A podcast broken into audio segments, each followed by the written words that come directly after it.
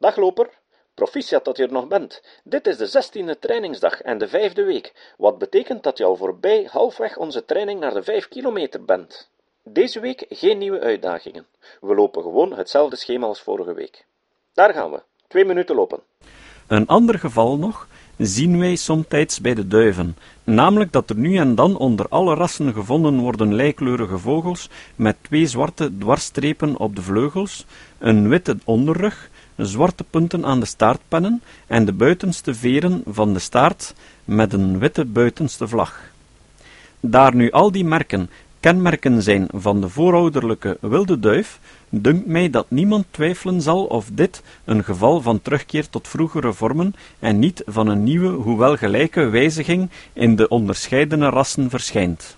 Dit mogen we besluiten, daar we boven gezien hebben dat de kleurkenmerken zeer vatbaar zijn om in de gekruiste afstammelingen van twee onderscheidene en verschillend gekleurde rassen te verschijnen.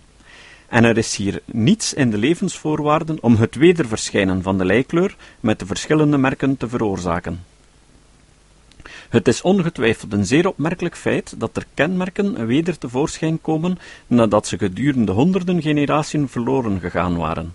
Doch, als een ras slechts eenmaal met een ander ras wordt gekruist, vertonen de jongen gewoonlijk een zeer bepaalde neiging om gedurende vele generaties tot de kenmerken van het ene ras terug te keren, ja, volgens sommigen zelfs gedurende een dozijn of twintigtal van generaties.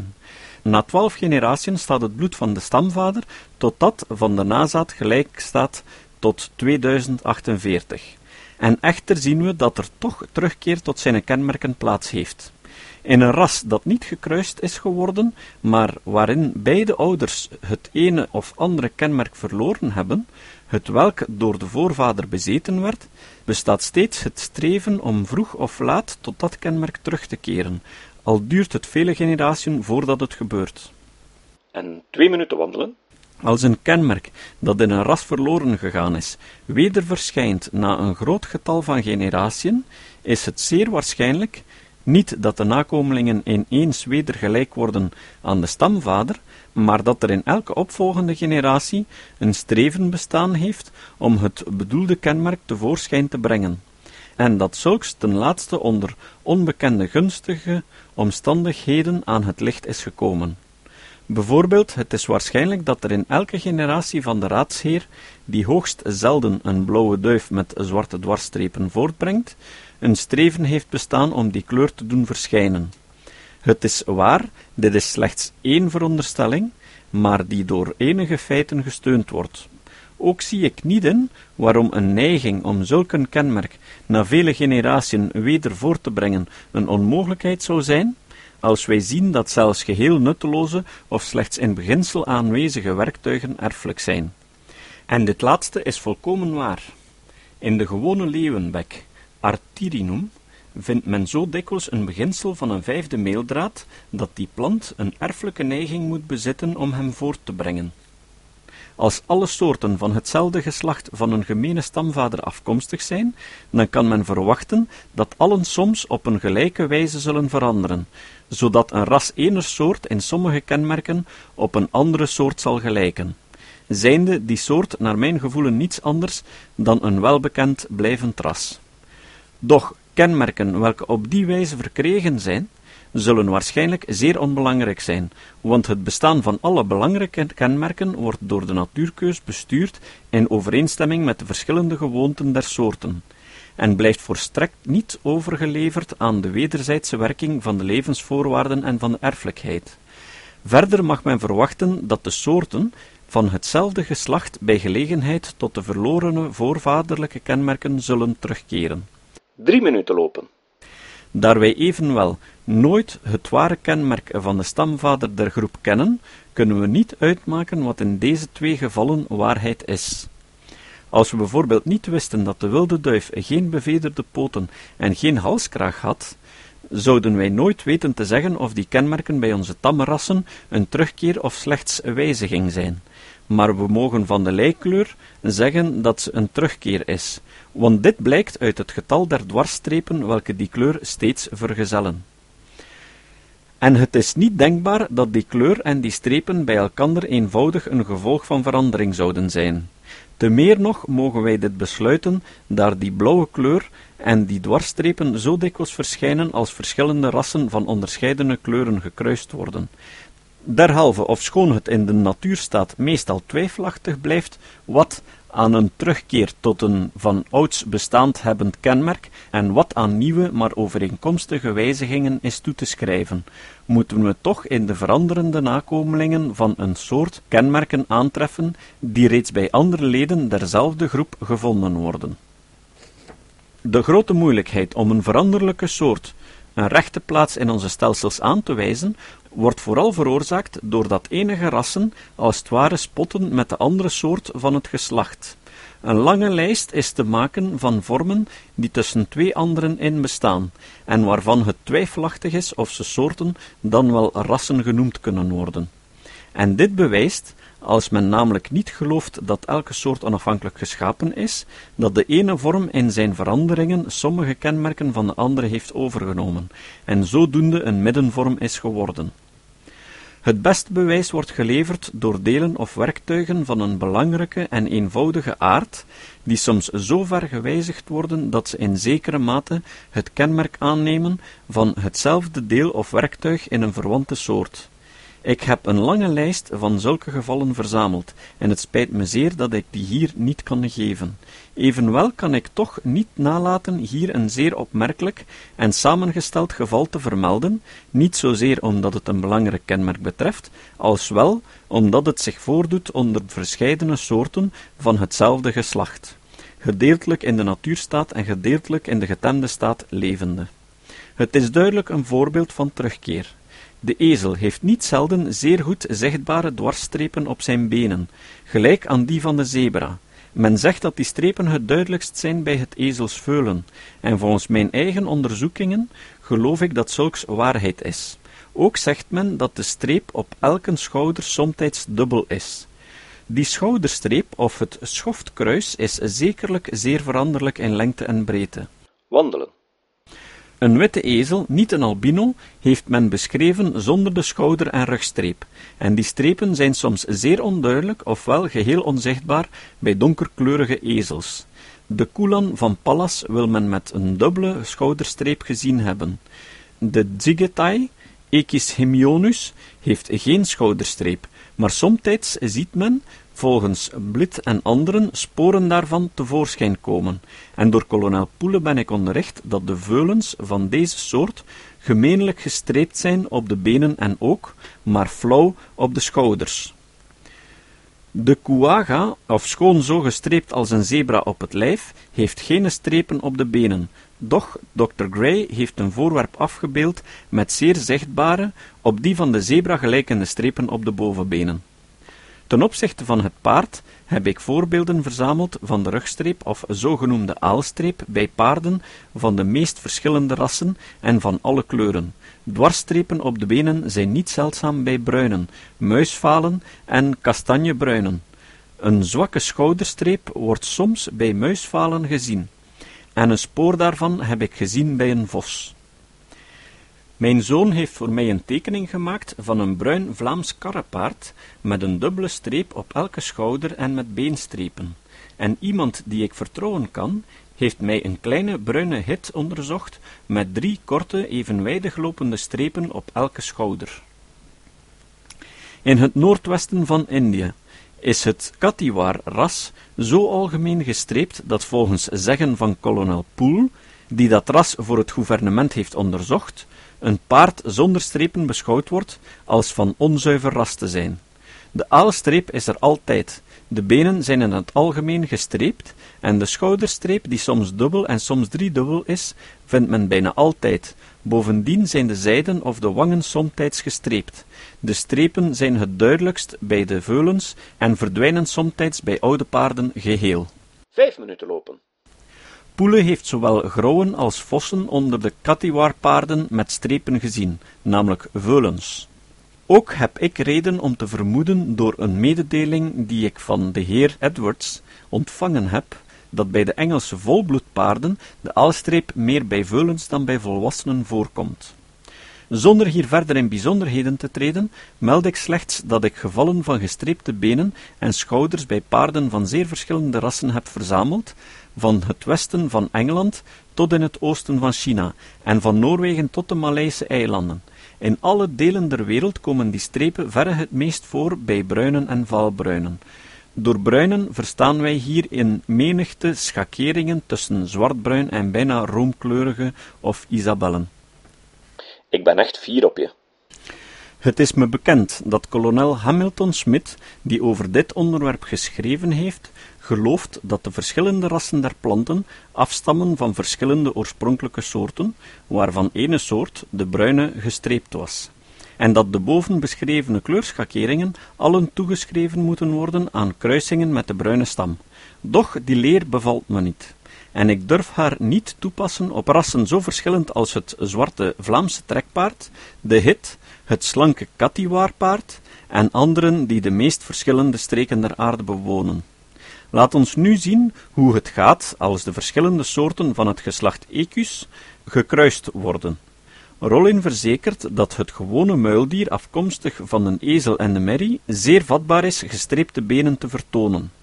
En volgens Gosse hebben in zekere gedeelten der Verenigde Staten negen van de tien muildieren gestreepte benen. Ikzelf heb een muildier gezien welks benen zo gestreept waren, dat men in het eerst zou menen een voortbrengsel van een zebra te zien.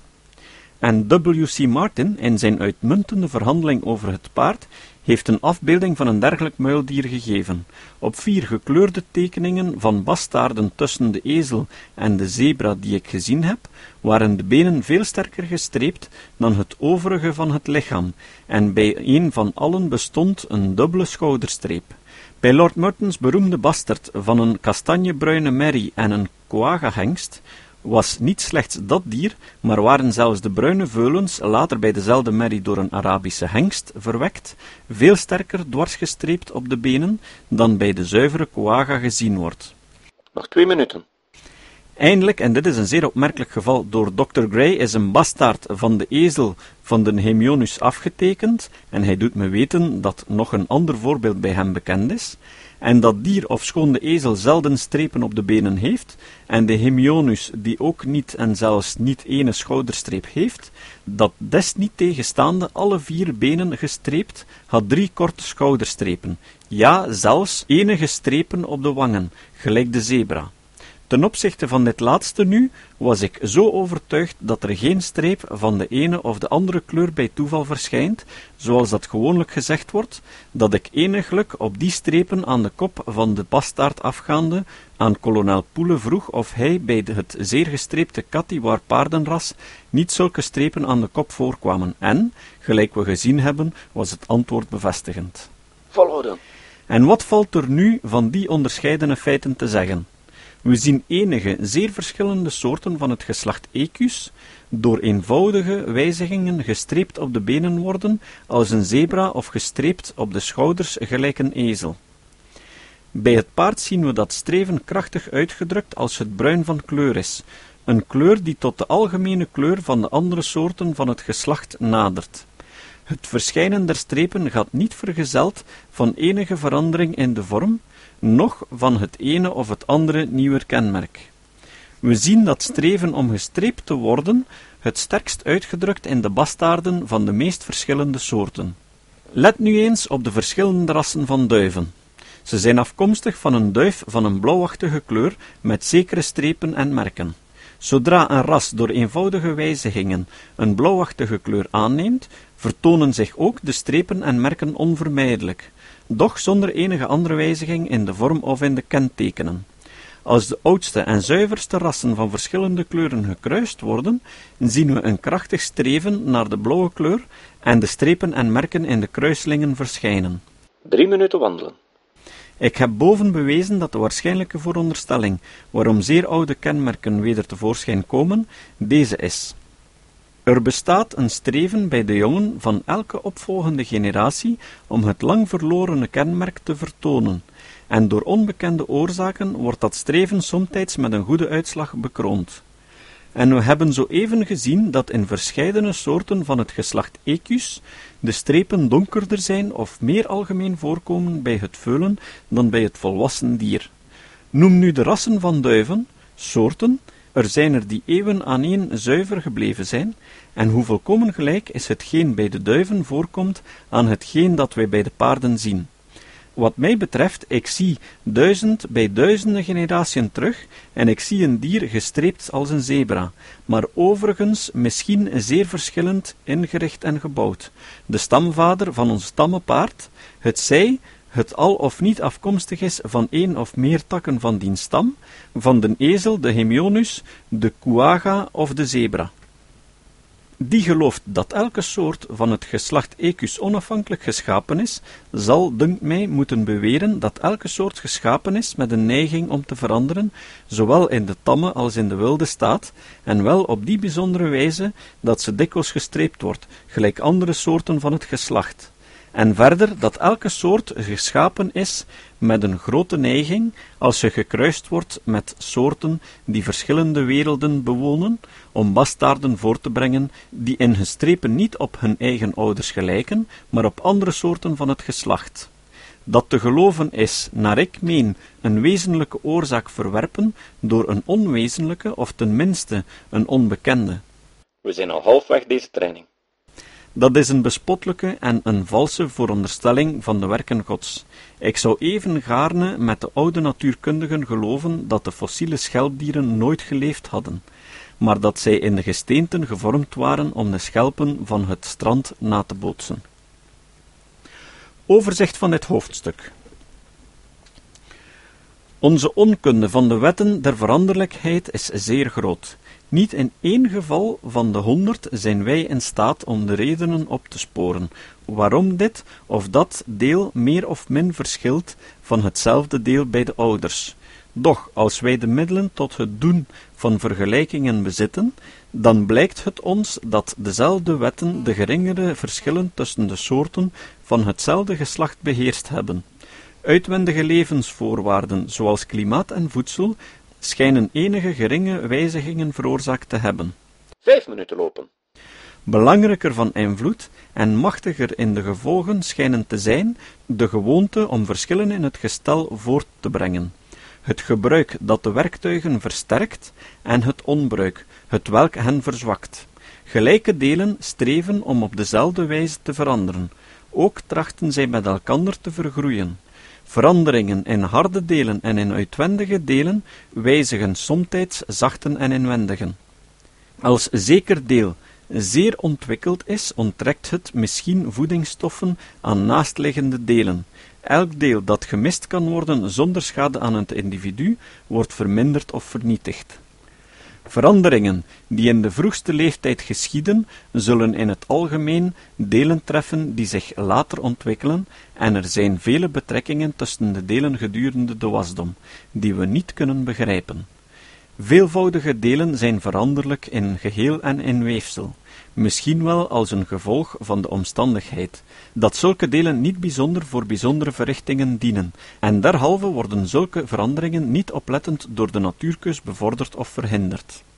Het is waarschijnlijk ook om die reden dat de bewerktuigde wezens, die laag staan op de ladder der natuur, veranderlijker zijn dan die welke hoger ontwikkeld zijn. Werktuigen die in beginsel aanwezig zijn, zullen, omdat zij nutteloos zijn, door de natuurkeus verwaarloosd worden en waarschijnlijk daarom zo veranderlijk zijn. Soortkenmerken. Dat is, de kenmerken die begonnen zijn te veranderen sedert de verschillende soorten van een geslacht afweken van de gemeenschappelijke stamvader, zijn veranderlijker dan geslachtkenmerken. Dat is, die welke langer bestaan en sedert dien tijd niet veranderd zijn. Hierbij hebben we acht geslagen op bijzondere delen of werktuigen, welke nog veranderlijker zijn, omdat ze nog voor korte tijd gewijzigd zijn geworden. Doch in het tweede hoofdstuk hebben we gezien dat hetzelfde beginsel ook op het gehele individu van toepassing is, want in een gewest waar vele soorten van een geslacht gevonden worden, vinden wij doorheen genomen ook de meeste rassen of wordende soorten. Bijkomende seksuele kenmerken zijn hoogst veranderlijk, en zulke kenmerken verschillen veel in de soorten van dezelfde groep. Veranderlijkheid in dezelfde delen van de bewerktuiging is veelal aangewend om bijkomende seksuele kenmerken te geven aan de seksen van dezelfde soort, en soortkenmerken aan de soorten van hetzelfde geslacht. Als er een deel of een werktuig zeer ontwikkeld is in vergelijking van hetzelfde deel of werktuig bij verwante soorten, dan moet er een opstapeling van wijzigingen geschied zijn, sedert het geslacht tevoorschijn kwam. Daarom kunnen wij begrijpen waarom het veelal in hogere graad veranderlijk is dan andere delen, want het veranderen geschiedt zeer langzaam, en de natuurkeus zal in vele gevallen geen gelegenheid gehad hebben om de neiging tot verdere verandering te overwinnen of te doen teruggaan. Nog twee minuten. Doch als een soort met enig zeer ontwikkeld werktuig de stamvader geworden is van vele gewijzigde afstammelingen, dan zal de natuurkus erin geslaagd zijn om zulk een werktuig blijvend te maken, hoe ongewoon het ook ontwikkeld mogen zijn. Daar de soorten bijna hetzelfde gestel van de gemene stamvader erven, en daar zij aan de gelijke invloeden zijn blootgesteld, zo zullen zij gewoonlijk gelijke veranderingen ondergaan, ook zullen die soorten somtijds gezamenlijk tot enige van de kenmerken der stamouders terugkeren, ofschoon er geen nieuwe belangrijke veranderingen ontstaan door gelijke wijzigingen en door het terugkeren, kunnen zulke veranderingen toch dienen ter bevordering van de schoonheid en de overeenstemming in de natuur. Wat ook de oorzaak van elk gering verschil zijn moge, en voor elk moet een oorzaak bestaan, het is de onophoudelijke ophoping van zulke verschillen, als zij nuttig zijn voor het individu, voor de natuurkeus, die aanleiding geeft tot alle belangrijke wijzigingen, waardoor de ontelbare schepselen der aarde in staat gesteld worden om met elkander te strijden, en waardoor de besten, de sterksten en de schoonsten overwinnaars worden. We zijn er bijna. Zesde hoofdstuk. Bezwaren tegen de leer. Bezwaren tegen de leer van de afstamming met wijzigingen. Overgangen. Afwezigheid of zeldzaamheid van overgangsrassen. Overgangen in de gewoonte en levenswijs. Verschillende gewoonten van dezelfde soorten. De gewoonten der ene soort wijken zeer af van die der anderen. Zeer volkomene werktuigen. Middelen ter overgang. Moeilijke gevallen. Drie minuten wandelen. De natuur maakt geen sprongen.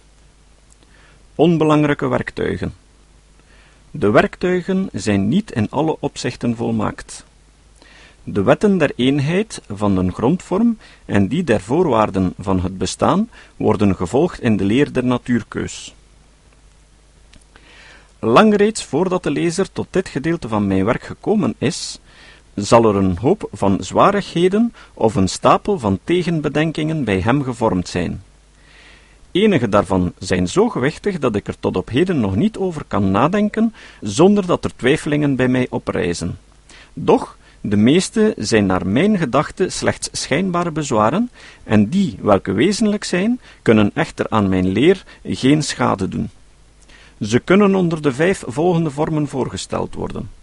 Ten eerste, als de soorten door onmerkbare kleine trapsgewijze veranderingen afstammen van andere soorten, vinden wij niet hier of daar ontelbare vele overgangsvormen.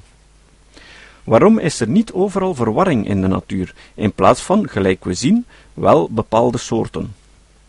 Ten tweede, is het mogelijk dat een dier, het welk bijvoorbeeld de gedaante heeft en de gewoonte van een vleermuis, gevormd is kunnen worden door de wijzigingen van een dier met een geheel andere gewoonte. Kunnen we geloven dat de natuurkeus heeft kunnen voortbrengen aan de ene kant werktuigen van zeer weinig belang, zoals de staart van de giraffe, die slechts tot het verjagen van vliegen dient, en aan de andere kant werktuigen zo wonderbaarlijk van inrichting als het oog, waarvan wij de onnavolgbare volmaaktheid nog niet eens begrijpen. Ten derde, kan het instinct verkregen en gewijzigd worden door de natuurkeus. Wat zullen we moeten denken van het wonderbare instinct dat de honingbij aanspoort cellen te maken die praktisch de ontdekking der grootste wiskundigen vooruit zijn gegaan? Ten vierde, hoe kunnen we begrijpen dat, als soorten gekruist worden, zij onvruchtbaar zijn of onvruchtbare jongen voortbrengen, terwijl, als rassen gekruist worden, hun vruchtbaarheid grenzeloos is? De twee eerste punten zullen hier behandeld worden: het instinct en de verbastering in afzonderlijke hoofdstukken. Over de afwezigheid of zeldzaamheid van overgangsrassen. Wijl de natuurkeus slechts nuttige wijzigingen behouden doet blijven, moet elke nieuwe vorm in een dichtbewoond gewest streven om de plaats in te nemen van en eindelijk uit te roeien zowel zijn minder verbeterde ouders als de minder begunstigde vormen waarmede hij in mededinging geraakt. Zo gaan dus, gelijk wij gezien hebben, uitroeiing en natuurkeus hand aan hand. Vijf minuten lopen. Derhalve, als wij elke nieuwe soort beschouwen als afkomstig van de een of de andere onbekende vorm, moeten zowel de stamrassen als de overgangsrassen in het algemeen uitgeroeid zijn, juist door de vorming en vervolmaking van de nieuwe vorm. Doch, daar er volgens deze leer een ontelbaar aantal overgangsvormen moeten hebben bestaan, waarom vinden wij dan niet talloze overgangsvormen in de lagen der aardkorst begraven? In het hoofdstuk over de onvolkomenheid der geologische bewijsstukken zal meer uitvoerig over dit punt gesproken kunnen worden. Hier wil ik slechts zeggen dat ik meen dat het antwoord op bovenstaande vraag voornamelijk daarop neerkomt dat we veel minder weten van de wezens die in vroegere tijdperken leefden dan in het algemeen verondersteld wordt. Die onvolkomenheden onze kennis in dit opzicht is vooral daaraan te wijten dat slechts in het algemeen zulke bewerktuigde schepselen bewaard gebleven zijn die de diepten der zee bewoond hebben. De overblijfselen dierwezens zijn slechts bewaard gebleven in de bezinksels, die dik en uitgestrekt genoeg waren om weerstand te kunnen bieden aan latere, ontzaglijk grote omzettingen en zulke fossielen voerende lagen kunnen slechts ontstaan zijn op plaatsen waar een grote hoeveelheid afslijtsel van andere massa's kon bezinken, en waar de bodem der zee langzaam daalde. Die samenloop van omstandigheden zal niet zo heel dikwijls en wel slechts na ontzaglijk lange tussenpozen plaats gehad hebben. Als de bodem der zee op hetzelfde waterpas bleef, of als hij rees of als er slechts een dunne laag bezinksel werd afgezet, zullen er opene vlakken gebleven zijn in onze geologische geschiedenis. Nog twee minuten. De aardkorst is een ontzaglijk groot museum, maar de verzameling van voorwerpen der natuurlijke historie die dat museum vullen, zijn slechts met ontzettend lange tussenpozen bijeengebracht.